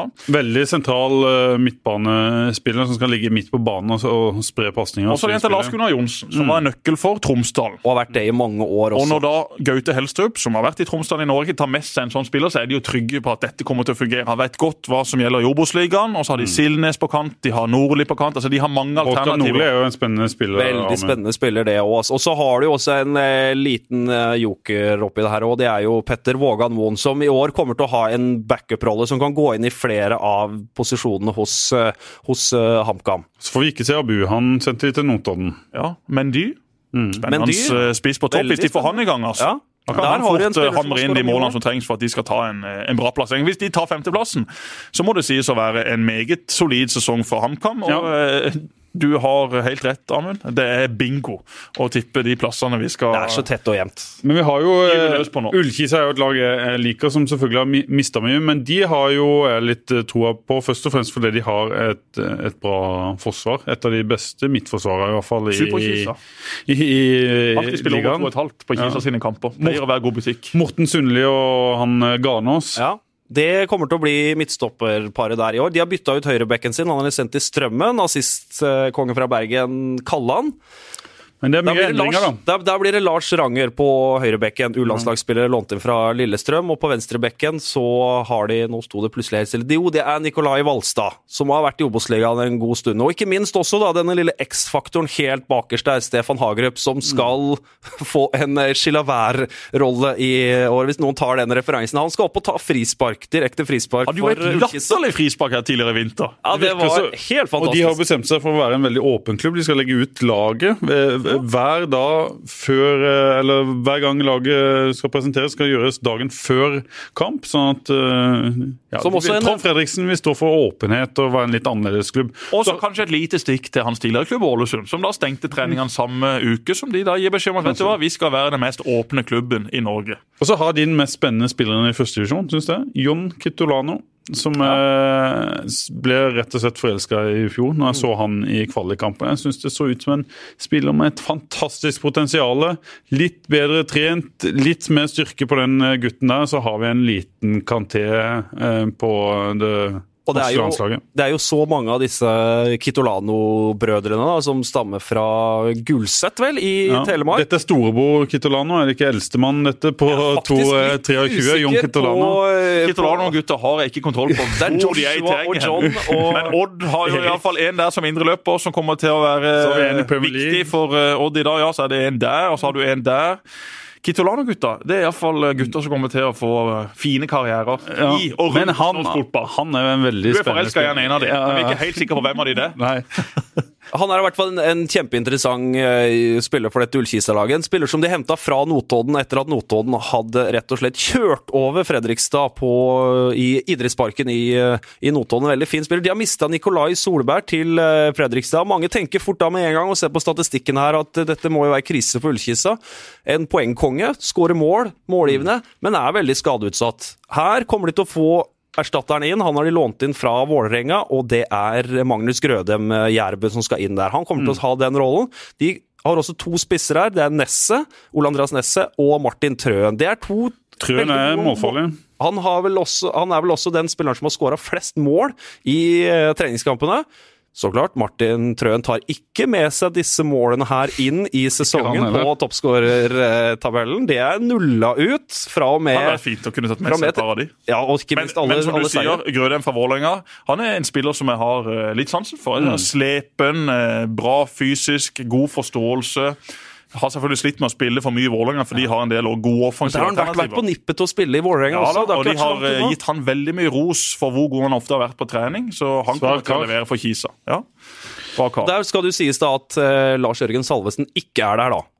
Han Ja. er jo da sendt til uh, Eliteserien. Men Ja. jeg vil ha Kisa så høyt som nummer seks, altså. Nei, det, det kan diskuteres, det. Dere vet uh, antageligvis mer om dette enn meg. Er Kongsvinger Sandnes Ulf eh, kanskje Kongsvinger har jo hatt en fryktelig vinter. Ja, Ja, en halvtime med Espen Nystuen i går. Uh, Han er trygg på at det vil bli eh, bedre etter hvert. Da Men setter vi eh, Kongsvinger litt lenger ned. de har jo tapt eh, var det, de siste åtte kampene. Ja, sånn, de har, de har eh, tapt åtte kamper i vinter og én uavgjort. Der også er de jo henta inn en ny trener. De satser jo portugisisk igjen. Victor Gassimba, er det ikke det?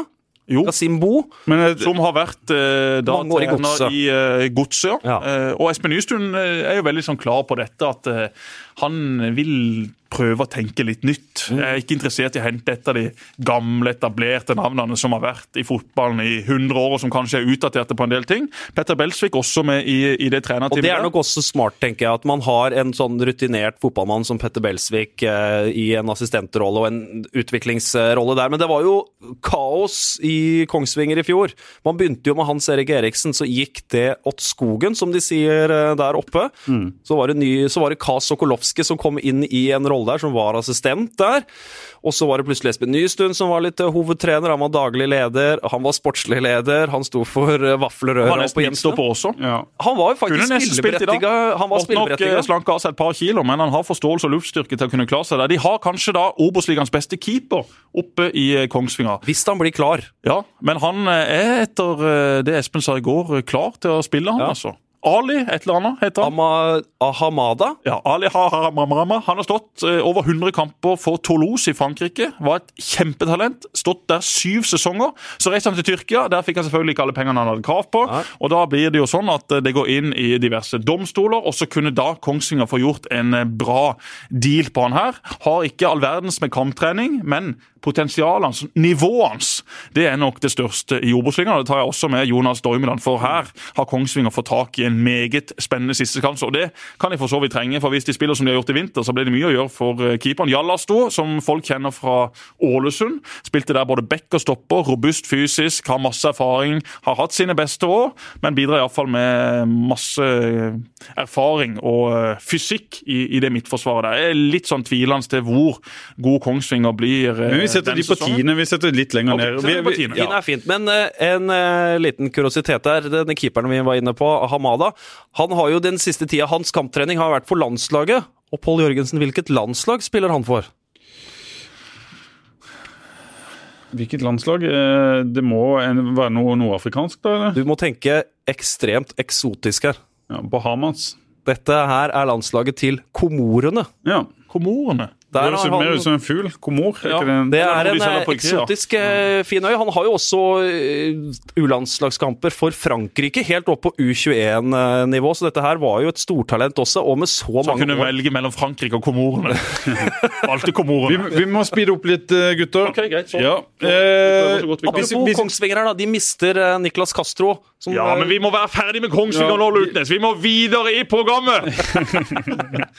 Kongsvinger på tiendeplass. ja, Men vi var kommet til Det er sikkert veldig mange av våre lyttere som Men tenker hvem vil du ha litt Helsike, vi skulle hørt mer om Kongsvinger nå. ja, Hvem vil du ha oppe i skillet bak de som skal spille kvalik? Da er det Nest Sota som eh, alle snakker så pent om, som skal opp der? Ja, Nest Sotra og Landro de eh, føler jo at de eh, er forsterka fra Jeg har de på sjuende. Ja. Greit, Rett de der. under øh, kvaliken.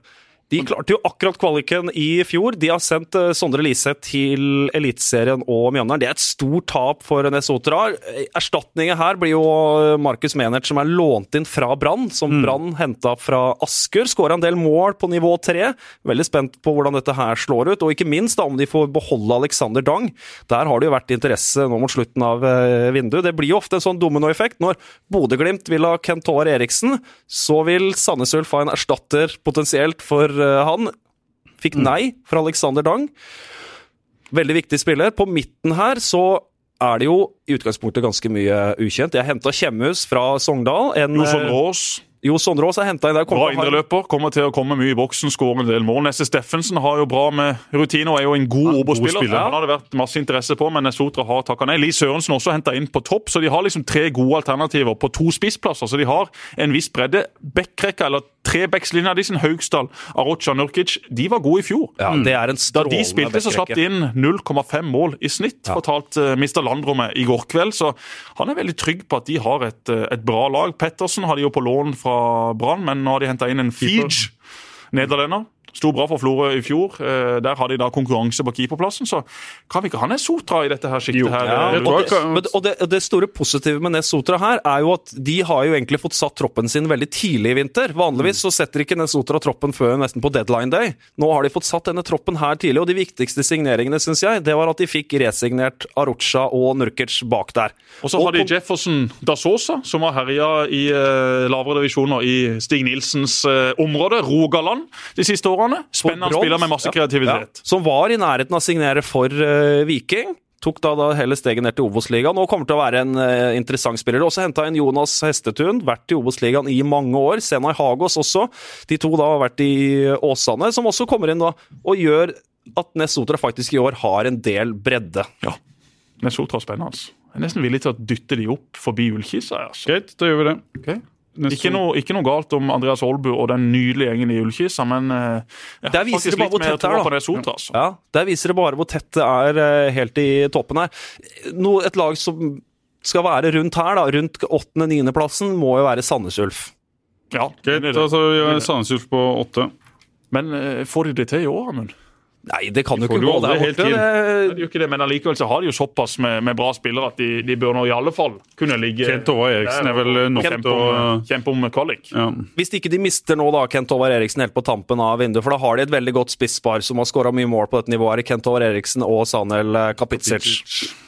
Og på midtbanen henta inn en eh, spanjol, Simon Colina, som de må ha veldig tro på der. Og så har man Christian Landu Landu, men som det har vært i Sandnes Ulf i mange år. Det har blitt henta inn ganske mange fine navn, og så har egentlig ikke blitt levert så altfor store resultater. Men da, denne sesongen her, dette er, nest, dette er siste sesongen før de flytter inn i sin nye storstue, Østerhus Arena, som skal stå klar til seriestart neste år. Hvem leverer kunstgresset der? Ole Martin Aasen. Selvfølgelig. Så klart. Selvfølgelig. Åsen er på jobb. Du, jeg skal være Jerv på plass nummer ni. Litt uh, patriotisme, eller eh, vi, vi har hatt en diskusjon syns jeg om det absolutt at de, de bør ligge. ja, Vi har hatt en diskusjon rundt Jerv da på, på jobber. Jeg skal være helt ærlig, ikke for å få uvenner i Grimstad, jeg er litt skeptisk til, til Jerv i år, med Ane Sandstø inn i sitt siste kontraktsår. Men samtidig har de mye spennende spillere, men tåler lite Altså, skader. jo. Jo, er enig i det. Men Simon Larsen inn. Ja. For en Ja. aldrende, gammel, grå, treg, lei Glenn Andersen. Det er en forsterkning. Simon Andreas Larsen er en klassestopper opp, oppgradering. Det er han. Eh, han er bra. Eh, vi får nå se hvem de setter i mål. Der eh, har de henta Benjamin Boyar. eh, har jo et enormt nivå på sitt beste. Fantastisk med beina, men Har har vært også god- ganske god i hive et par baller i nettet. Ja. Så du vet liksom aldri helt hva du får med vår gode venn eh, Benjamin. Øvretveit er litt, eh, litt annerledes type. Dårligere med beina, men kanskje litt mer stabil. Ja, men, men gjør tabber. rimelig jevne keeper, så vi får nå se hvem som eh, kommer til å stå. Espen Knutsen han eh, vet hva det går i Mm. Obos-ligaen. En solid eh, spiller der. Eh, Kanskje blir det da Reinhardsen som utgjør den siste treeren i den eh, Treeren i trioen? Ja, for de har lagt, de, Jerv er ikke 4-3-3, de har lagt om litt. Ja, De spiller da med, med tre bak i år. Mm. Og Sernikov skal spille indreløpere. Wickman skal spille i den dype på, på midten. Mm. Tønnesen på venstre har vært enormt god i vinter, kanskje vært den beste spilleren. Mm. Vikne ute til høyre eh, er jo eh, veldig lik eh, Eirik. Enegger, tvillinger. Bokstavelig talt ganske lik. Rimelig lik ja. Vikne i, i spillestilen. Ja. En litt dårligere utgave av sin eh, ene bror, men eh, har imponert for eh, Jerv etter han kom dit fra Fløy. Brensrud på topp har jo et Jeg kjempepotensial. blir skada. Ja, og hun kommer til å være en del skada. Men Mm. eh, hvis de klarer å få han frisk og få han til å bidra i 20 kamper denne sesongen, så har de iallfall en, en spisstype som er veldig, Veldig robust. da. Kom fra Ekspress. Ja, har imponert såpass i vinter at han kommer nok til å spille en, en god del. Ja, det kan virke sånn en, en litt sånn stabil type som verken har klare styrker eller klare svakheter, sånn som jeg ser, ser han. Etter det ikke altfor mye jeg har sett han i, i vinter, men eh, ganske god feilvendt, ganske god avslutter, ganske godt tempo, ganske god eh, luftstyrke. Så hvis han klarer å bygge litt på disse tinga, så kan det bli veldig bra, eller så blir han helt Jeg er vel middels. enig i det om det, Amund, at eh, bak og på midten så ser det ganske bra ut, og så er det da spørsmålstegn. Det er framover. Khalili er det mange som kjenner navnet på, men han eh, er ikke den han en gang var. Eh, Han er sikkert det som eh, person og, og menneske, men som fotballspiller der har det gått litt nedover de siste årene. Er også en del skader, sliter med å komme opp på det nivået mange kanskje trodde han skulle være på da han ble henta til Grimstad. Så akkurat på topp så sliter jeg litt med å se hvem som liksom skal hamre Ja. inn mål. Men, Du har eh, Luke Ferreira der. Ferreira kan også spille Og Håbestad, det, og det kommer nok til å bli de to som starter mot uh, Tromsdalen lukter Det lukter ikke mål i Det gjør ikke det. Det stinker ikke mål. Men Nei, det gjør ikke det. en veldig interessant fellesnevner her, når Jesper kommer lagoppstillinga til eh, Jerv, det er jo så mange sørlendinger. Ja. Det er nesten bare sørlendinger. Og Det er veldig gøy, og det skal det Jerv ha honnør for. Det jeg er redd for med Jerv, er at de rett og slett kan bli litt spist opp. Når jeg ble litt bekymra på Jervs vegne når jeg så dem mot eh, Start, hvor stor forskjell det var i fysikk. Start er jo et eh, kan du si, sånn det var under Kjetil Rekdal, ganske fysisk Obos-lag. Sånn han har bygd det laget, men det var stor forskjell mellom de to lagene i fysikk. Sernikov, Åse, spennende spillere. Wickman, spennende spiller. Men får de folk inn eh, bak seg og blir utfordra på tempo og litt kraft og sånne ting, så blir det for meg for eh, tynt. Og jeg syns det er veldig merkelig at de ikke har henta, i hvert fall i den sentrale rollen, mer enn eh, ja, kall det en eh, ugly spiller, en litt stygg spiller, enn det Wickman er, som er en veldig god spiller og fantastisk med ballen og de tinga der. Men de mangler noe på den midtbanen, og det tror jeg kanskje kan bli Jervs bane. Hagen. Selv om han var en del skada, så var han såpass smart og så god at i de kampene han spilte, så var han sjøl god, men gjorde også de rundt seg Ja. veldig mye bedre med sin spilleintelligens. Så han er jo det største savnet Ja. for Jerv i 2019. Så har de noen spennende unggutter og Suggelia som kom fra, fra start, og så Har man Petter Ølberg der. Det er Ja. flere faktisk som er oppe og snusser på en eh, startplass i Jerv. Men også en spiller som er viktig å nevne her også, da, som kommer inn og bidrar til bredden. Kan godt hende han at, at også han kommer til å spille en del, enten i forsvarsleddet eller på midtbanen, er jo Mikael Ogunbaro, som de låner inn fra Så vet vi at Jerv òg holder på med å, å hente noe, noen eh, flere spillere, så det bildet kan endre seg. Niendeplass, fint på Jerv. Og da vil jeg spille inn et eh, lag her, for vi er ikke Nei, da, nå har vi Kongsvinger. Nå er det nummer 11. Ja, Kongsvinger har vi snakka om. Har vi kommet eh, allerede helt ned til 11.-plassen? Oh, ja, da er det et lag jeg vil spille inn her. Ja, kom Og det er fortere nå, hovedstaden, Nordre Åsen, Tom Nordli, 4-3-3, Skeid. Ja. Super-Tom. ja. Men de har jo sett bra ut i vinter, skjønner jeg. Slo vel Strømmen og 3-0 generalprøven. Ja, generalprøven. Tom og Kåli, er det det han heter? Han spissen som har hamra inn mål for Ifølge Tom så har de jo en snittalder på 11,5 år og et lønnsbudsjett på 190 kroner. Det er nok litt høyere både på alder og lønn, men eh, det er imponerende det Tom fikk til med Skeid i fjor. Og de har veldig Tavakoli heter spissen. Ja, eh, David og, og de kommer til å sjarmere, angripe og underholde også en del kamper denne sesongen. Så eh, vi kan godt ta og dytte Skeid på den plassen der. Hva vet du om Skeid si kort, må være solid fra, fra Tom, om han klarer det. Kort om Skeid er jo at de så å si ikke har gjort noen signeringer i det hele tatt. De har nesten ikke sluppet noen spillere heller. Det er en eh, ekstrem Oslo-kjerne i dette laget her, og ikke bare Oslo-kjerne, det er en Skeid-kjerne. De har veldig mange spillere som har spilt eh, aldersbestemte kamper for uh, Skeid. Det er en skikkelig Oslo-gjeng med en god blanding av eh, mange forskjellige spilletyper her. Og jeg tror nok ikke Tom Nordli kommer til å skifte så veldig mye på dette laget. her, Kommer nok til å kjøre et lag, og de er nok et av de lagene som kommer til å løpe mest i Obos-ligaen. Kommer til å være eh, best organisert. Jeg kan trekke fram eh, trioen på topp. Mesut Chan på kanten. David Tavakoli og Jonny Budusson. Alle de tre har ganske mange målpoeng i seg og kommer til å bli en veldig interessant trio. Fete navn også. Kunne vært angrepsstreker til Borussia Dortmund. Ja, Jonny Per. Budosson, jeg vet ikke helt Men eh, hvis du tar etternavnet nå Ja.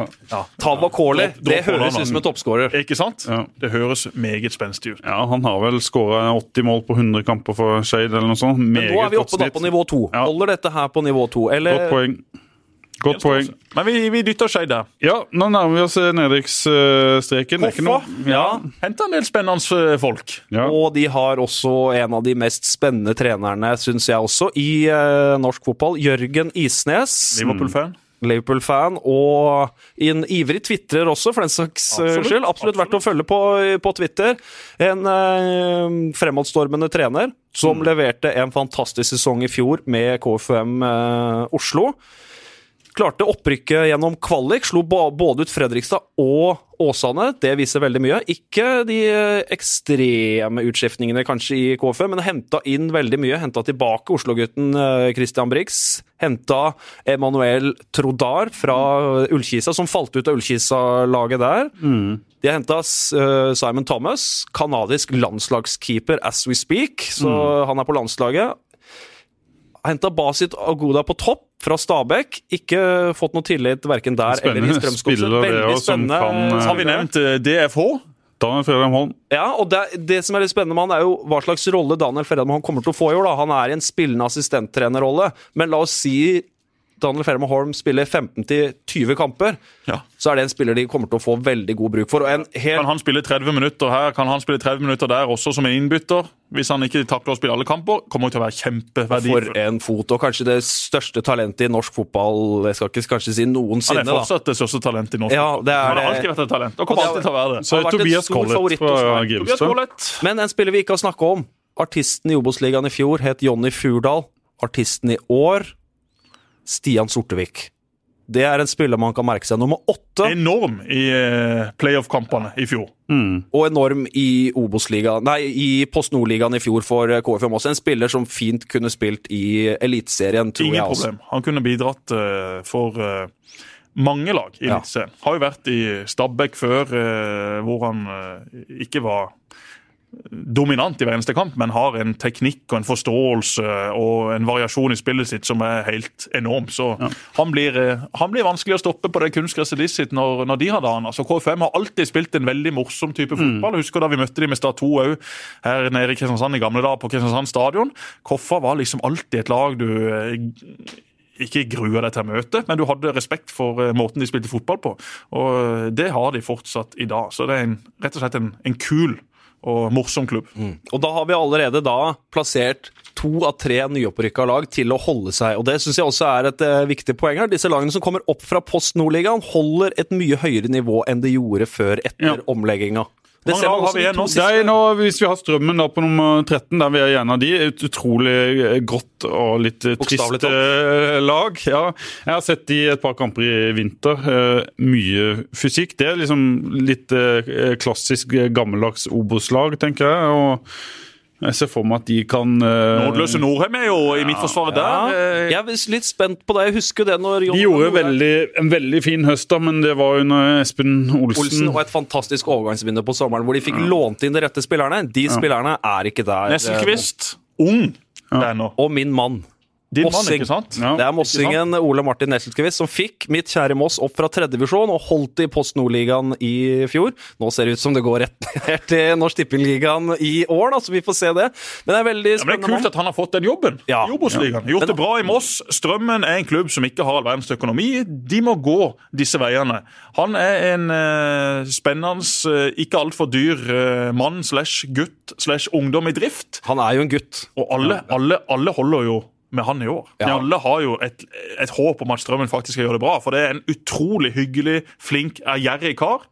Ikke bare han er ung, han er jo først og fremst flink. Det er derfor han har fått den jobben. Men eh, vi må følge litt ekstra med på Strømmen. Ja. Så har vi litt eh, sørlandske innslag med Bjørkkjær på høyrebekken og Norheim som konkurrerer om en eh, midtstopperplass. Ja, annet med, blant annet eh, mot sønnen til Hans Tvedte. var det ikke han vi så denne? Han er inne i strømmen, eh, på amatørkontrakt riktignok. Kan jo derfor ikke spille, men han er henta inn. eh, Har levert et par eh, gode kamper i vinter, imponert på trening. Har jo mye eh, større fysikk enn sin far allerede. Og far hans, assistenten til Stig Inge Bjørneby i sin tid, han hadde en voldsom fysikk. Var jo gammel politimann, minnes jeg. Husker Han la startspillere i bakken eh, over en lav sko Ja, på trening. Jeg husker det var sånn av de. konkurranse der på starttrening. Hvem kan legge Hans Tvette i bakken, sa Bjørneby. Og så kom de og prøvde seg, én etter én. Det var vanskelig. Det var tida. Men Det strøm. Strømmen her er jo også virkelig et lag som fint kan rykke ned i år. Ja. Det ser veldig tynt ut, og jeg er veldig spent på øh, hva Ole Martin Nes- kan øh, få til.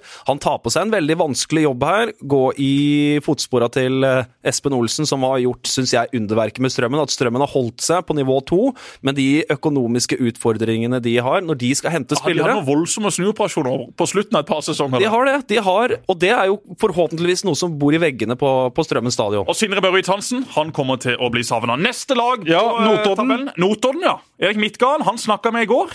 Snakka med mange Obos-folk i går. Midtgarden eh, satt i Drammen, bor visst i Drammen, pendler én time til Notodden. Det er jo noe fryktelig vei opp til Notodden. og Ja, Det er for alltid de er så sterke på hjemmebane. Jeg har vært oppe på Notodden, jeg har jo aldri fått med meg poeng hjem igjen, for jeg er jo bilsyk i to ganger fem Ja, før. Og på det svinger på og vei svinger. Vi har. Notodden lenger opp på tabellen pga. Ned, dette. lengre ned. Det er i hvert fall min tanke. Jeg har de på nedrykk, på 15.-plass. Stort sett samme lag som i fjor. Ja, Men har, har vi Tromsdalen sist? Er vi enige om det? At der skal det bli fryktelig tungt i år? eller? Tromsdalen 16. Ja. Tromsdalen er 16. da står vi med Raufoss og Notodden. da. Hvem skal du ha ned? og Er det kvalik på tredje sist eh, i år? Jeg har Raufoss rett over denne eh, kvalikplassen i mitt tips. da. Det er jo veldig vanskelig å si hva Raufoss skal få til i år. Det er også en kronglete vei å komme seg til. Oppland er igjen på Obos-kartet. Det er litt morsomt. Det skal jo etter hvert da bli Sterkt av Raufoss i fjor. Altså, de kjempa Ja, med Fredrikstad, de det. og Raufoss bare bom! Tok det på en meget imponerende Veldig lite kjente spillere, kjente navn i den toppen. Det er vel i grunn egentlig ingen kjente spillere hos uh, Raufoss. De mista sin beste spiller, Kevin Jablinski, til eh, Egersund. Litt også min mann, som er trener der, en eh, mann jeg er oppvokst med på Melløs. Christer eh, Johnsen, som også er en lokal mann eh, der oppe, som har fått eh, tillit som Raufoss-trener. Og veldig sterkt i fjor, ja. Og vippe Fredrikstad Men Anton pinnen. Der er jo X-faktor. Der har du klassespiller. Og så har du en sp ung eh, spiss som det går eh, gjeter om i Norge. Sønnen til Karl Petter Løken, som heter Oskar Løken, som kom fra, fra Stabæk. Som fortsatt vel bare 18-19 år og er vel toppskårer i, i klubben. Og en annen litt morsom karakter der òg, landslagsspiller vel å merke, for Singapore. Ilkan Fandi. Så får vi se hva det er for noe, om det blir noe i år. Men en liten morsom X-faktor. Han flyr eh, førsteklasse han på samling, altså. Vi må si litt om Tromsdalen nå. Nå har vi Notodden, Raufoss og Tromsdalen på tre nede. Så Hva skal vi vi si ikke om Tromsdal? Det er jo et lag som er svekka. De har mista hovedtreneren sin, som var en veldig viktig brikke. De som kjenner Tromsdalen best der oppe i Tromsø, de har ekstremt lite tro på at Tromsdalen i år skal få med seg altfor mye poeng. Så eh, Men det er noe med, kanskje noe i veggene her i Tromsdalen. Det er en overlevelseskultur eh, der oppe. Men Så som kommer det nye spillere.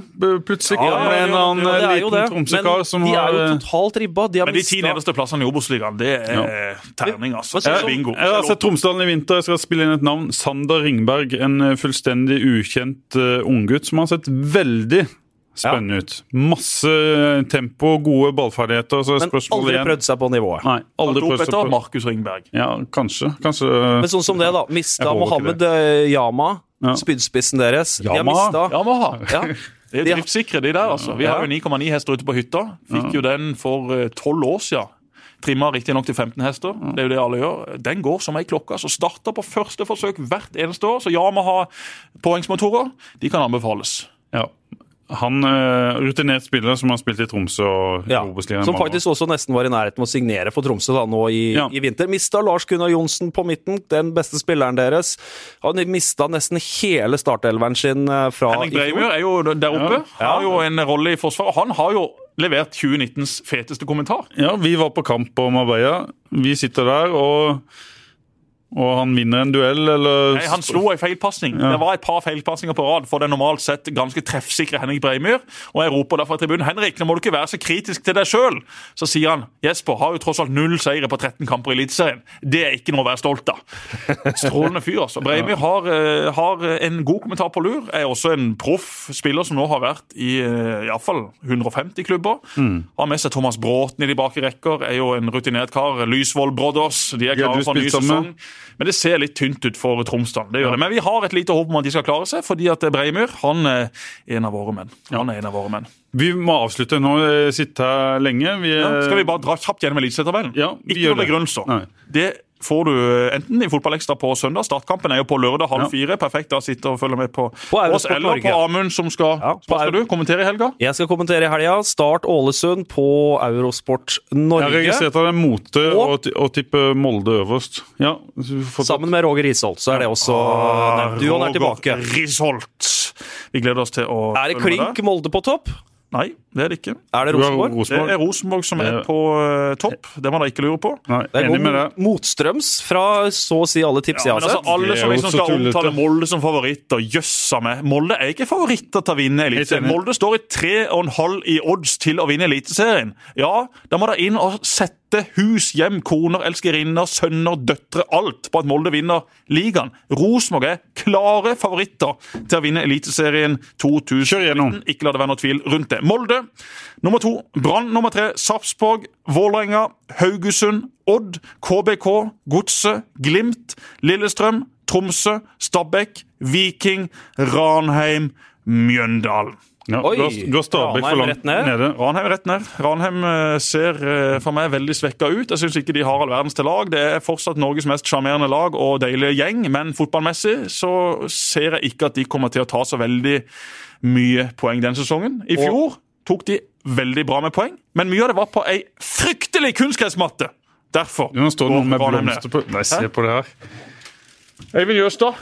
Jonas Aaland. Ai, ai, ai, ai, ai. 100 sendinger. 100 sendinger. 100 sendinger. Sending nummer 100. Det var det. Det var jo 100 sendinger vi hadde avtale om. Så da Veldig imponert. Ja, Så Så bra. Skal du si noe? Ja, Ja, men vi er ikke vi er, er vi ferdige? Vi er på lufta. Ja, ja. Vi må Vi er på lufta. resultattipset, ikke resultattipset, men Eivind Jøstad rykker Start opp i Du må snakke inn her, Eivind. Eh, Ikke direkte, men jeg tror de rykker opp. Jøssa meg. Og du kommer fra hvilket fylke? Ja, Det vet du jo. Det er Aust-Agder. Det er jo helt fryktelig. Jonas Mjåland? Ja, men jeg kommer jo da fra fylket litt lengre vest, og jeg er jo ikke i tvil. Det, det blir direkte opprykk. Ja! Det som skjedde her nå, var da at eh, nyhetsredaktøren og sjefredaktøren kom inn og ga oss blomster, Jesper. Det var jo veldig hyggelig. Du må snakke i mikrofonen. Og, og dette er jo to menn som har masse interesse for fotball. Jonas Mjåland eh, har vært en ihuga Start-supporter i alle år. Mister Jøstad er jo kanskje fra feil fylke, men har jo også en forkjærlighet for Start. Start gir jo han enormt mange klikk gjennom hvert eneste år. I går, i dag er det jo kake her på desken både klokka 12, 2 og 4, for det var enormt mange klikk og videovisninger i går. Så dette er jo på mange måter motoren i Feven's eh, nydelige maskineri. Og vi Så har du fått noen nydelige blomster. vi fikk blomster nå, som vi kan ta med hjem til Trine. Jeg kan gi de to, og så spør hun hvem har du fått de av. De har kjøpt på butikken, kan du svare. svare. Ja, ja. Skal få ei, eh, kvittering derfra. håper det blir 100 til. Ja, vi Satser på det. Takk 100 skal dere ha, gutter. Takk. Og så sier vi takk til Amund for at du eh, kom, og så eh, Amund har jo vært med i nesten 100 episoder. Ja, han Du har det. nærmer deg blomster, du òg, altså. Ja, det er ikke langt unna nå. Og ikke minst, da, bare for å få sagt det, tusen takk for at jeg fikk lov å komme. Amund, du kommer med jevne og ujevne mellomrom. Ta vare på Roger Risholt. Han er jo også assistent i Arendal denne sesongen. Ja, Vi ønsker han og Steinar P lykke til med det. Vi håper og tror at Arendal er med og kjemper som du sier, om et eh, opprykk. Og så var det veldig hyggelig å få blomster. Altså. Og ikke minst, da. Nå begynner det. Nå begynner det. Nå begynner det. Takk for i dag. Hei, hei.